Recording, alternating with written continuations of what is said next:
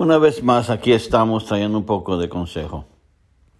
Estaba platicando con alguien y me platicaba el testimonio de una persona, la cual le decía a la nuera de ella que las enfermedades y los problemas que ella está teniendo son por haberse levantado en contra de Dios, por haber hablado mal de su hijo y por todas esas acusaciones. Pero yo diré, si así fuera Dios, o cuando Cristo anduvo aquí en la tierra, condenado a la gente y mandarlas al infierno, ¿de qué hubiera servido? La Biblia dice que Él vino a rescatar lo que se había perdido. Él vino a salvarnos. Él vino a buscar lo que había perdido. ¿Qué? Entonces, ¿por qué la gente eh, dice esas cosas? Las enseñanzas antiguas a los pastores y predicadores se les decía si la persona está mala, si viene mal vestida, tiene que cambiarse. luego, luego las condenábamos, luego, luego decían, hey, hermana, trae la falda muy corta, traes el escote muy abierto, hermano, traes arete en tu oreja, traes el pelo pintado, ese corte de pelo no está bien, tienes que hacerlo como nosotros. Y empezábamos a ponerle reglas en los 70 en los 80 en los 90 los pastores ponían reglas a todos los jóvenes y a las personas porque querían que se vistieran como ellos, con traje, con corbata, con camisa, las mujeres con falda larga. ¿Y qué ganaban las mujeres con ponerse con falda larga si andaban bien podridas por dentro? Las jovencitas con faldas muy cortas, buscando de Dios, buscando ser sanadas y no podían, porque al llegar a la iglesia eran condenadas y eran mandadas derechito al infierno. ¿Cómo podemos hacer eso? ¿Por qué hacíamos eso? ¿Por qué no conocíamos? Dios Jesucristo nunca condenó a nadie cuando anduvo aquí. Él se acercó a los más sucios, se acercó a los que tenían el lepra y les dijo, los sanó. Se acercó a los ciegos, anduvo con los cobradores de taxas. No le importaba el estilo de la persona ni nada de eso. Él vino y curó sus bandas, los, los perdonó y los amó y los abrazó. Ahora nosotros tenemos que hacer lo mismo. Al ir a la iglesia tenemos que llegar, llega una persona nueva, tenemos que abrazarla, tenemos que quererla, tenemos que mostrarle que los amamos, tenemos que estar ahí para ellos y ayudarlos y darles lo que ellos necesitan. La iglesia es un hospital y venimos, la gente viene a ser sanada, a ser quitada de los problemas, a ser quitada de las luchas y no pueden hacerlo porque la iglesia luego, luego los criticamos, rápidamente los juzgamos, rápidamente empezamos a decir, tú no puedes estar aquí, Tú no puedes venir a la iglesia porque no te vistes. Luego, luego le decimos, hermanito, qué bueno que vino, ahora tienen que cambiarse, ya no tienen que venir con esa. Las hermanitas empiezan a decir a las jóvenes, hermanita no se vista así, vistas de esta manera. Si una hermana ve a una señora, una mujer, digamos, en sus medios 20, 30, con una minifalda y con una blusa un poco escotada, luego, luego le dicen a las otras, cuídala que viene esa mujer a robar nuestros maridos. Si tu marido se quiere ir, se va a ir con ella o con cualquier otra mujer. Si es que eso, que ella vino a eso. Ella no ha venido a eso. Ella ha venido a buscar. Ella ha venido a pedir que Dios la ayude, que Dios la cambie. A veces ese cambio se lleva 5, 10, 15 años o quizás 5 a 10, 15 minutos. No somos Dios y nosotros no podemos cambiar a nadie. Nosotros simplemente podemos darle la palabra de Dios y la palabra de Dios nos dice que amémonos los unos a los otros. ¿Cómo podemos amar a Dios que no vemos si no amamos al que está a nuestro lado? Ese es el problema que tenemos los cristianos de hoy en día. Y también en el tiempo antiguo. Siempre juzgaban y juzgamos ahora por lo que vemos. En vez de amar en vez de abrazar a la persona, en vez de abrazarla y decirle, te amo. Si este joven o esta jovencita viene así, llegar y amarlos. Llega el momento que cambian su vida, no llegar y decirle, ay, qué bueno que ya cambió. No, no, no. Llegar igualmente, seguir amándolos y dejar que Dios siga amándolos, porque nosotros es lo único que podemos hacer, amar. Amarnos los unos a los otros. ¿Para qué condenamos? ¿Para qué estamos preocupados? ¿Por qué estamos temorosos de lo que nos va a pasar? Tenemos temor de que alguien venga y nos quita algo que no ni es nuestro. Estamos con ese temor en nuestras vidas. Si Cristo está con nosotros, ¿por qué hemos de tener temor? Si Cristo está en la barca con nosotros, ¿por qué hemos de tener temor? Cuando Él iba con los apóstoles sobre la barca y de repente llegó una tormenta. Pedro y, y, todo, Juan, ellos eran pescadores y sabían. Mateo, Marcos, parece Mateo, era un cobrador, era un taxman. Él no sabía de esto, pero él aún así con temor ahí estaba pero los otros trataban de ver cómo ese barco se mantenía a flote. Y luego vieron a Jesucristo acostadito, dormido como que nada, y le dijeron, Maestro, ¿qué no ves que nos hundimos? ¿Y qué les dijo él? Ah, hombre de poca fe. ¿Qué no ven que si, bueno, esto no le dijo así, pero dijo, ¿qué no ven que si Cristo está en el barco con nosotros, nada nos va a pasar?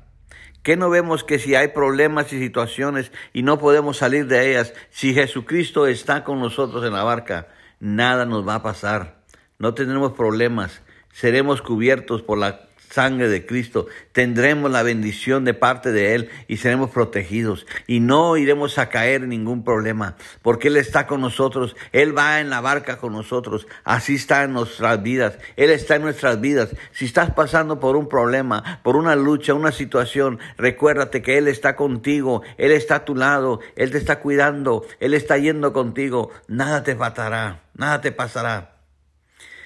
Deja de temer, deja de juzgar, deja de hacer cosas que haces mal. Simplemente acércate a Cristo. Deja que Él sea el Señor de tu vida y Él te guíe. Ese es mi pensamiento en este día. Que el Señor me los bendiga, que el Señor me los tenga protegidos. El Señor es grande, fuerte y poderoso, misericordioso. Él nos ama. Él nos ha dado la gloria. Él nos ha dado la gracia para que podamos ser salvos. Por gracia sois salvos. Por gracia somos salvos. Así que recordémonos todo el tiempo de eso. El Señor es bueno, es poderoso, es misericordioso. Él nos cuida, Él nos ama, Él está con nosotros en la barca. Créelo y está dispuesto a seguir adelante. Gracias, que el Señor te lo bendiga. Este es el pastor Antonio Bosch de Second Chance Ministry y el torno del alfarero. Si quiere comunicarse conmigo, comuníquese al torno del alfarero arroba yahoo. El torno del alfarero arroba gmail.com. Que el Señor me los bendiga y que tengan un victorioso y hermoso día. Amén. Ok, un saludo a todos donde se encuentren. Este es una vez más el pastor Antonio Borsa, Second Chance Ministries, en el ministerio de El Torno del Alfarero. Aquí estamos con ustedes en esta mañana y quiero traerles un corto mensaje, un cortas palabras de lo que yo considero, ¿verdad? Quizás esto viene del corazón de Dios y espero que puedan escucharlo, ¿verdad? El tema sería, ¿por qué Dios no nos sana siempre que oramos? ¿Verdad? Esa es una pregunta que todo el mundo siempre hace. Dice, yo oré, no me sanó. Oré por mi mamá, no sanó. Oré por mi papá, no sanó. Por mi hermano, y en fin, ponemos muchos. Pero quiero decirles que quiero que escuchen lo que tengo en, en este momento, ¿verdad? Sí, tenemos que tener confianza en nosotros mismos, ya que si lo, si lo tenemos, nos ah, seguirá y vendrá a nosotros como ejemplo, ¿verdad? Nos va a servir, tenemos ejemplo para la gente, para las personas. Tenemos que tener esta confianza en nosotros que cuando decimos haré esto, los demás saben que lo haremos. No estarán con la mente esperando, ¿lo hará? ¿Será que sí lo va a hacer? ¿Verdad? Y no están con esa cosa de que lo debe hacer. ¿Verdad? Tan, estamos seguros que lo vamos a hacer. Así tenemos que hacerlo. Tenemos que enseñarles que sí, que sí podemos. Si decimos haré esto, lo hacemos, ya sea que nos salga bien o nos sale mal. Nosotros tenemos que a mostrar qué es lo que haremos, ¿verdad? Tenemos que mostrarles que no vamos a parar, que vamos a hacer lo que se nos pide que hagamos, ¿verdad? Y tenemos que hacerlo, tenemos que probar que podemos hacer estas cosas. No importando nada, ya que tenemos la confianza en nosotros como en el Señor. no tenemos temor.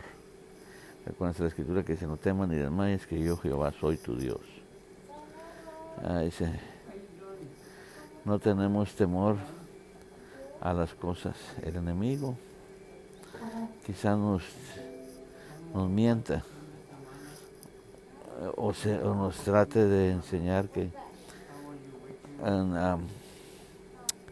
él trata de mentirnos, nos trata de engañar, pero no puede, no tiene potestad sobre eso. Nuestra vida tiene que cumplir lo que el Señor ha dicho, ya sea antes de irnos, antes de morirnos, o quizás cuando Él regrese a este mundo por nosotros. Es algo de lo que no podemos escaparnos. Nuestra vida está dispuesta a hacer la voluntad del Señor. Si no somos, si no hacemos sacrificio eh, en nuestras vidas, el Señor nos dará su bendición. Si nosotros hacemos un sacrificio, si no, le dice la palabra del Señor que obediencia es mejor que sacrificio, ¿verdad? Así que tenemos que ser obedientes. El Señor nos dará su bendición. ¿Ok? Ahora, con esta pequeña introducción que les he dado, quiero contarles que muchos de nosotros tenemos, hemos conocido personas que en el pasado su madre su padre se han enfermado con algún tipo de cáncer maligno y la iglesia ora por esta persona, ¿verdad? Y esta persona no sana. Y vemos que está, esta persona ah, no recibe el milagro eh, que le pedía al Señor. Y quizás, pues muchos de nosotros no hemos pasado por algo similar, ¿verdad? Quizás no, quizás sí, quizás no, lo sabemos. y no queremos servir al Señor dejando uh, los, oh, dejándolo todo. No queremos servir al Señor, queremos estar ahí, dejándolo todo, ¿verdad? Y, y culpamos a Dios culpamos a Dios y decimos siempre que, el, que si Dios no lo hace, pues si no sucede, ¿qué pasa? Si Dios lo hace a su manera, ¿verdad? Porque es siempre a su manera, no es a nuestra. Así como los tres jóvenes que fueron ah, tirados en el horno de fuego y dijeron, Rey, nuestro Dios nos librará de esto. Pero si aún Él no lo hace, nosotros serviremos al Señor. Su confianza de ellos estaba 100% en el Señor. Ellos mismos dijeron, si me san, en pocas palabras diciendo, si no me libre el Señor, si es lo que dice la palabra, claro, si no me libre el Señor de esa, no importa, yo seguiré sirviéndole. Así tiene que, tenemos que estar nosotros seguros cuando oramos por una persona como nuestra madre, nuestro padre, nuestro hermano, nuestro primo, en nuestra familia, ¿verdad? Y el Señor no nos sana. Estamos con ese problema, no nos sanó. ¿Por qué no nos sanó? Y estamos con esa pregunta. Y decimos, Señor, ¿por qué no nos sanaste? Bueno, hay, hay unas poquitas interrupciones, eh, perdonen que les diga esto rápidamente. Es entre paréntesis, si oyen sonidos atrás, la gente que está alrededor acá, y andan ocupados haciendo cosas. El Señor me puso a poner esto en este temprano, pero vamos a seguir, perdón. Entonces siempre estamos, el, Señor hace con nosotros, eh, sobrevivimos al Señor, ¿verdad? Estamos con esa cosa. Ellos dijeron, si Dios lo hace, bueno, y si no lo hace también, no importa. Se entregaron completamente. Ellos servían a Dios poderoso, ¿verdad? Ellos tenían la fe y no, no les importó el resultado. muchos, muchos de nosotros no, como les dijera yo, muchos de nosotros nos falta tener ese tipo de fe, ¿verdad? A ellos no les importó el resultado. Muchos de nosotros no hacemos nada, nos molestamos con el Señor. Queremos dejar todo, loco, todo lo culpamos por lo que sucedió en nuestras vidas. Yo quiero darles un ejemplo aquí. Yo hubo una temporada que me molesté con el Señor, ¿verdad? Y estaba enojado. Yo estaba enojado. Yo decía, pues, Señor, ¿qué pasó? Me dejaste. No hiciste tu parte, yo hice la mía. Y hasta aquí estoy esperando de qué vas a hacer tú en mi vida. Y no lo has hecho. Y este, yo sigo con ese problema en mi mente, ¿verdad? Y peleaba con Dios. Porque yo le culpaba por todas las cosas que me estaban sucediendo. Pero fue porque yo dejé su camino, dejé mi fe. ¿Verdad? Habemos personas que nos, nos, ah, nos perdemos y regresamos al mundo, ¿verdad? No todos regresan al mundo, pero la mayoría deja de buscar de Dios. Por todas estas razones que nos han pasado. Así que si tú no puedes entender por qué pasan estas cosas, si nos damos cuenta que es que Pablo pasó orando un, pasó un, ah, tenía un aguijón en su vida.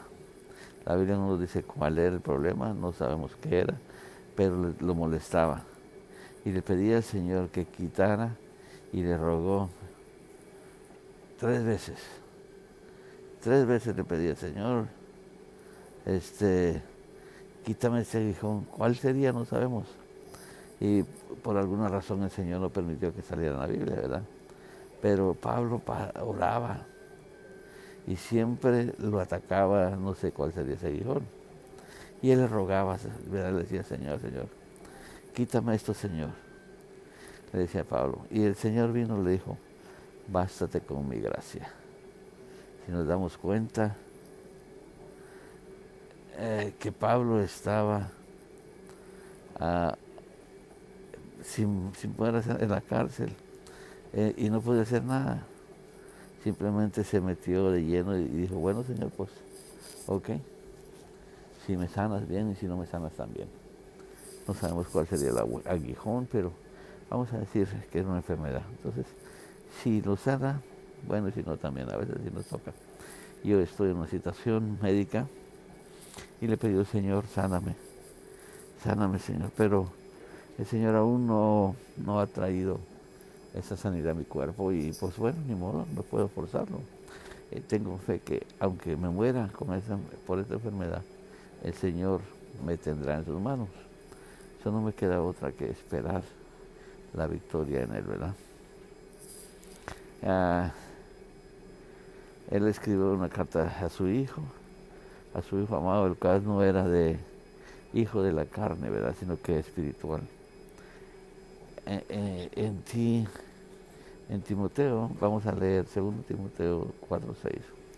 Todos sabemos esta escritura. Les daré tres pasos para que lo uses en tu vida que te ayudarán a salir adelante, ¿verdad?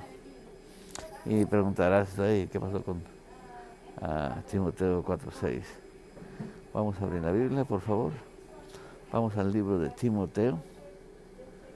Ah, ahí, vamos a abrirla acá, buscándolo en el libro de Timoteo. Está después de, de segunda te, Tesalonicenses, ¿verdad? Y es 4, 6.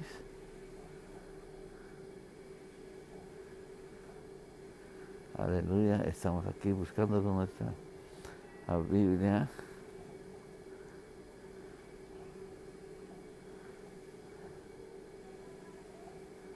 Timoteo, primera y segunda Timoteo.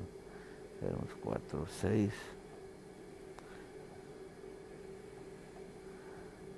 Aquí. Pues hermanos, yo creo que estamos perdidos aquí, ya lo llegué. Segunda de Timoteo 4.6.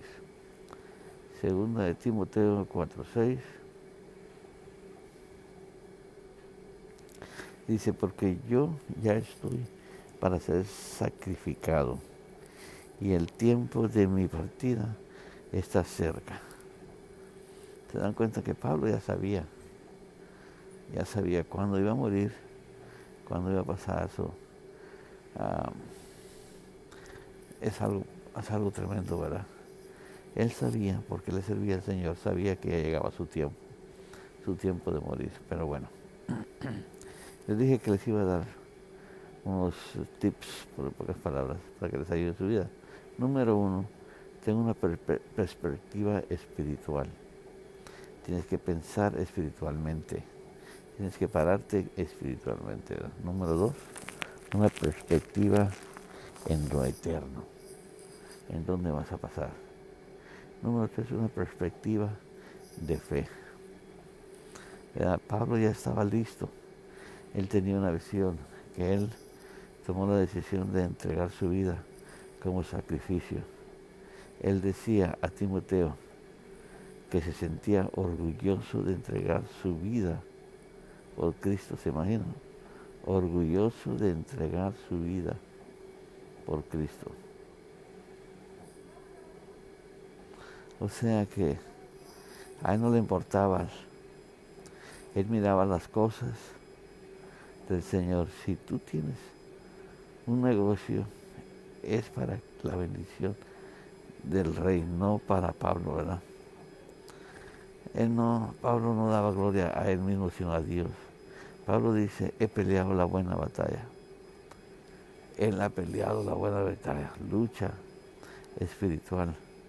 Pablo no dio una, una extra, ah, como dijera, él no se quejó, no se quejaba de agonía él decía a Timoteo, yo te he dado, yo le he dado mi vida a Dios hasta la, hasta la muerte, ¿verdad? Hasta agonizar, le he dado mi vida. El que tiene una perspectiva espiritual, entrega todo. Todo lo entrega. Tenemos una perspectiva espiritual, todo lo entregamos. Pablo dice, la buena batalla digna de pelear, la batalla de fe, esa la ganará. Porque si pelea por sus propias batallas, si tú peleas por tus propias batallas, lo siento mucho. Eh, perderás todo. Así que Pablo decía que he terminado la batalla. Cuando Jesucristo falleció, en la cruz, Él dijo, consumado es. Quiere decir que hasta aquí. A ver, todo terminó. Hasta aquí llegué, aquí estoy. En el griego terminaré, eh, se dice tecleos, tecleos. En el griego, ¿verdad? Terminé. Hice lo que el Señor me dijo eh, que yo hiciera. Y él lo dice, y es lo que decía Pablo. Él hizo lo que el Señor le dijo. Se dan cuenta que Pablo nunca fue sanado. Pero es lo que tenemos que hacer, ¿verdad? Pablo dice que él tiene una visión espiritual. Tendrá la victoria al tener la visión espiritual. Cada uno de nosotros eh, tratamos de sobrevivir, no nos enfrentemos no nos enfoquemos en eso. Uno dice, oré por mi para, para, por mí para que me, para que me muera pronto, ¿verdad? Cuando estamos en la enfermedad, siempre oramos de esa manera, ay Señor, quiero morir, no me puedo levantar esta enfermedad. Y estamos peleando con eso. Pero no sucede, no nos vamos a morir. Así que hacemos una oración de esta manera, ya que sin en realidad tienes una ah, un motivo, una perspectiva espiritual, harás todo. Una, tú decides, no, uh, como te dijera, no voy a morir, voy a vivir. Así no, ah, como vivamos, si vas a vivir así como vives, si tú pones en tu vida, voy a vivir, vas a vivir, no vas a batallar. Porque lo has puesto, has tomado una perspectiva espiritual y has dicho, Señor, yo te voy a servir. Ah, viviremos y vamos a tener triunfo, ¿verdad? Porque voy a vivir. Se, se recuerda de la mujer que estaba en la fuente de agua, en, el pozo de agua y la samaritana y Dios le habló. Esa mujer, eh, también tenemos otra mujer que tuvo fe, estaba enferma de flujo de sangre, ¿verdad? Y este, se estaba muriendo, gastó todo su dinero, gastó todo. Y la palabra nos dice que eso es lo que sucedió. Y esta mujer no podía hacer nada, siempre andaba batallando, pero, pero, vamos a poner a saber eso, su fe la llevó al Señor. Y, así tenemos que ser nosotros. Y fue sana, por fe fue sana.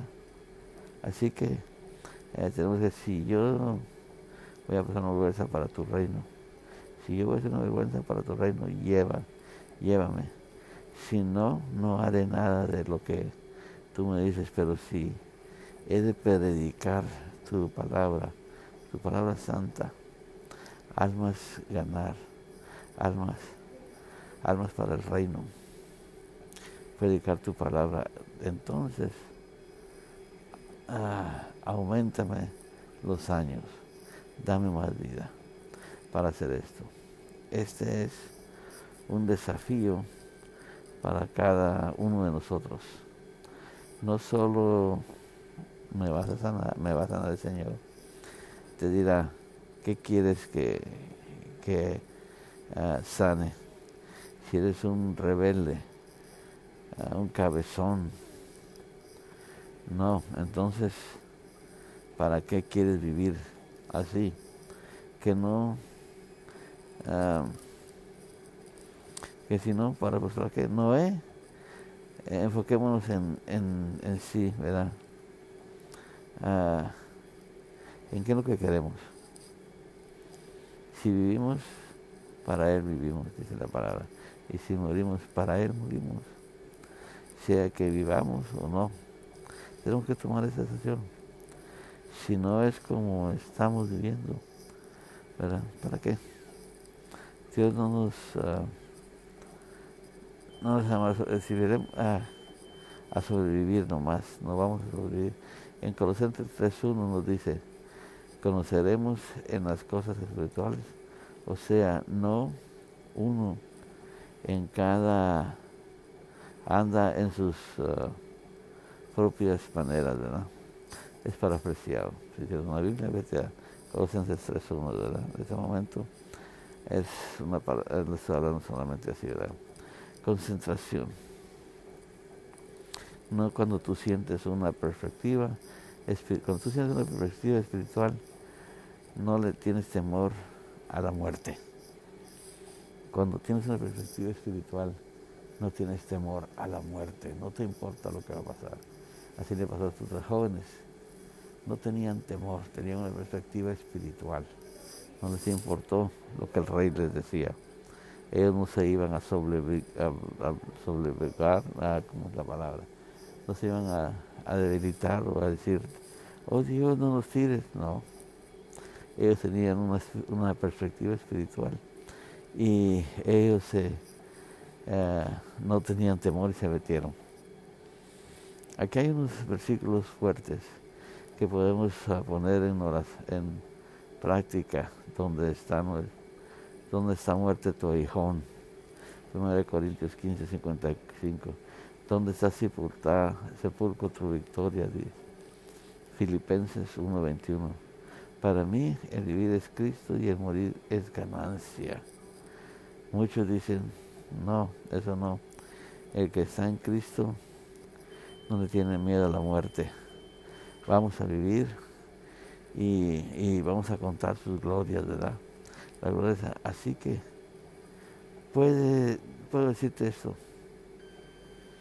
¿Tienes la perspectiva espiritual? O mejor dicho, te puedo preguntar eso. ¿Tienes la perspectiva espiritual o la natural de la carne? Ah, haciendo, así te digo, que vas a morir va a decir, no, no, no, si solo quieres vivir una vida para tomar y andar en las parrandas y todo eso, ¿de qué te sirve? Nosotros podemos tener una perspectiva en que si vivimos para Cristo lo vamos a hacer, ¿verdad? Estamos escondidos en Dios, en Él, ¿verdad? Cuando tienes una vida natural, nunca entenderás y te quedarás frustrado y, y estancado.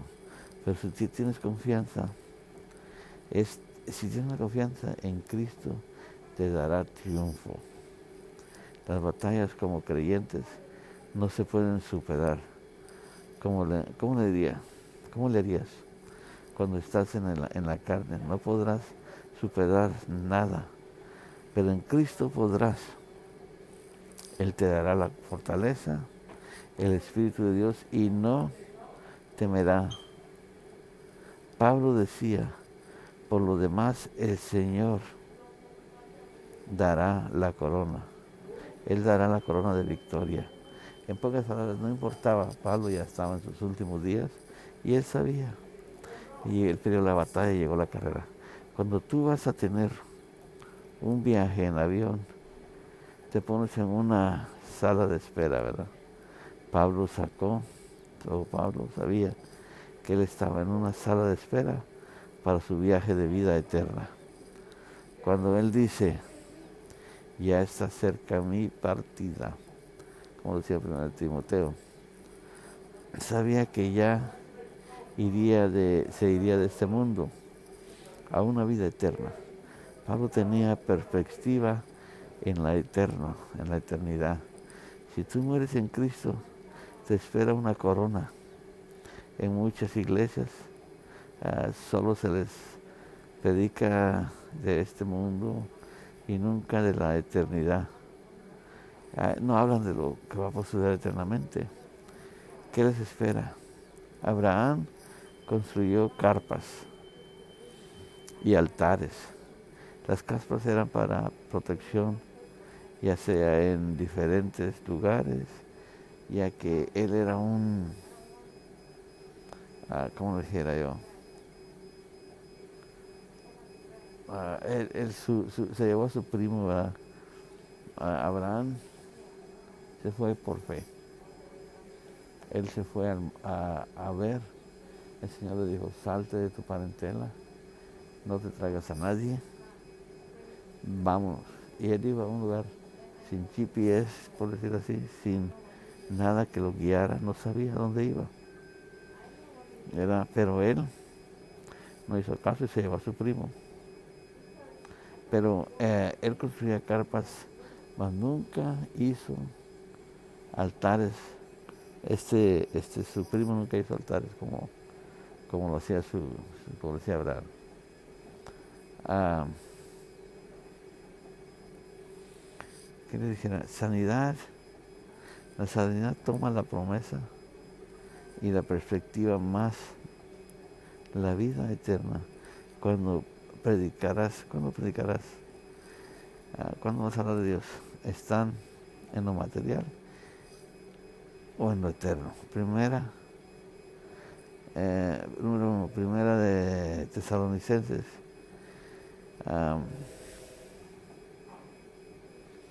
siete, tres, cuatro, ¿verdad? Y 13, 18. Si esta palabra no te no, no te van a tocar, pues de qué se sirve.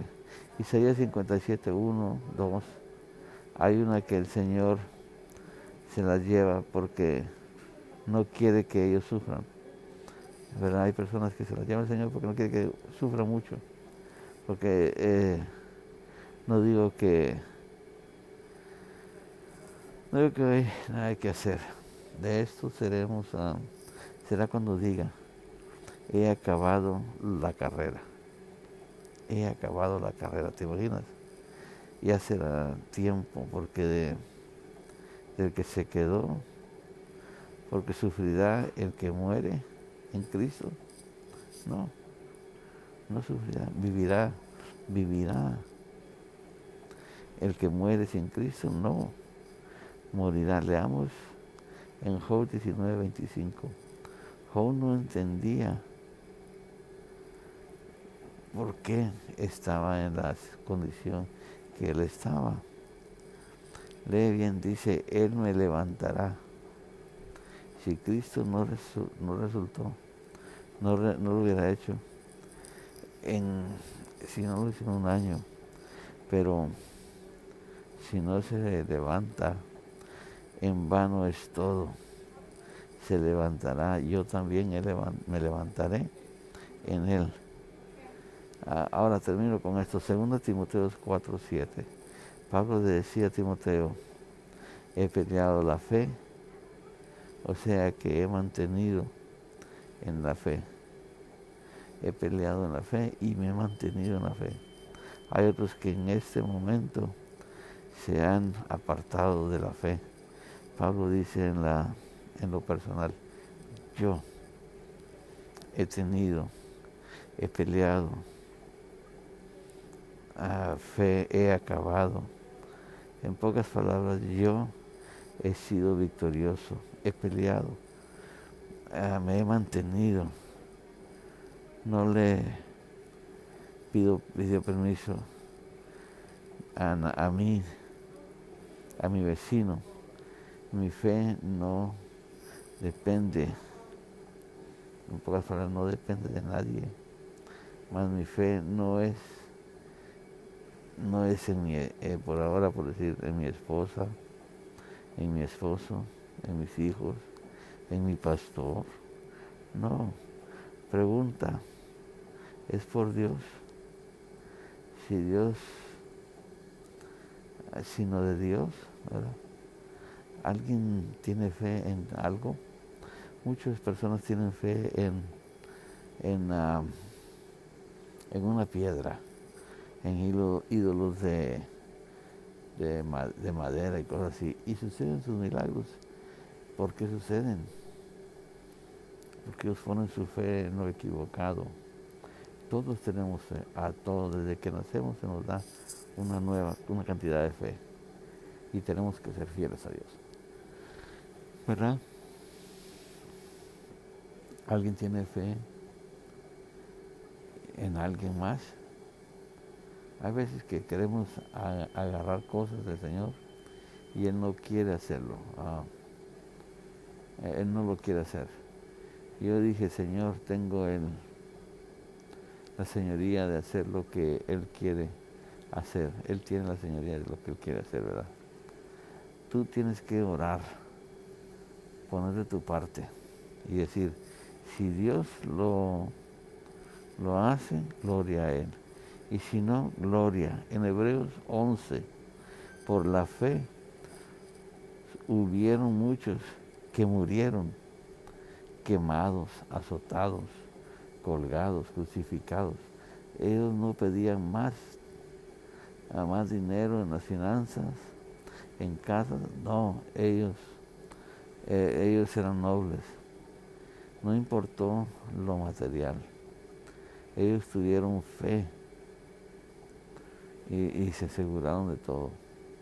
Ellos mismos, ¿verdad? hoy eh, en ese momento dejaron todo y fueron asesinados, fueron matados, ¿verdad? Si, si ahora es tiempo que dejemos todo el camino, porque, eh, como le decía, el Señor no me sana, por eso no le sirvo. Muchos decimos, el Señor no me sana, yo quiero servirle. Por eso no, le sirves a Dios ya más. Qué hombre más débil que nosotros somos seres de fe. Nosotros vivimos en la victoria en el Señor. Él nos llevará a la victoria.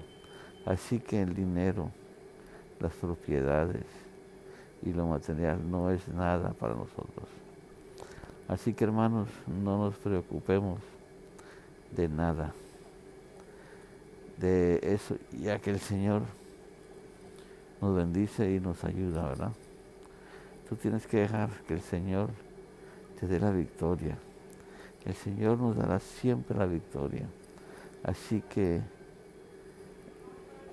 no le preguntes por qué nos sana, por qué no me sana, Señor, porque estoy con esa enfermedad. Yo he peleado mucho, así que si me sanas, gloria a Dios. Y si no me sanas, gloria a Dios. Así que deja que, deja de enseñorarte, ¿verdad? Eh, el Señor no quiere ayuda. Tú deja que lo haga en tu vida. Pues puedes acercarte Señor. Deja que Él te fortalezca. Él te puede ayudar. Así que Señor en ese momento te bendiga. Y espero que esta pequeña corta enseñanza te ayude, ¿verdad? A salir adelante y a llevar todas las cosas que necesitas, ¿verdad? Pon tu fe en Dios. Por la fe yo viviré. Pongamos nuestra fe. Yo les diré que estoy en, en este momento, escucharon piaditos, soniditos y todo, porque estoy en diálisis. Tres veces por semana. Pero saben que yo tengo fe que aunque el Señor no me sane, yo voy a seguir aquí, voy a seguir predicando su palabra. Si me sana, gloria a Dios. Si no me sana, gloria a Dios. Tiene una razón.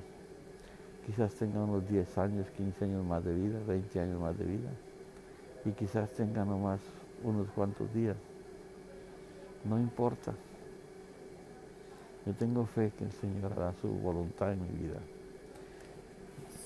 Le he pedido y hasta aquí no he escuchado su palabra su voz, perdón. He leído su palabra y aún ando esperando.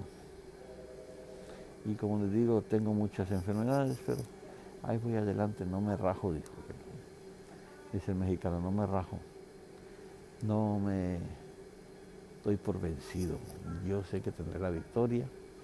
Y si he de morir bajo la influencia de de esto, del diálisis en mi vida, pues así será.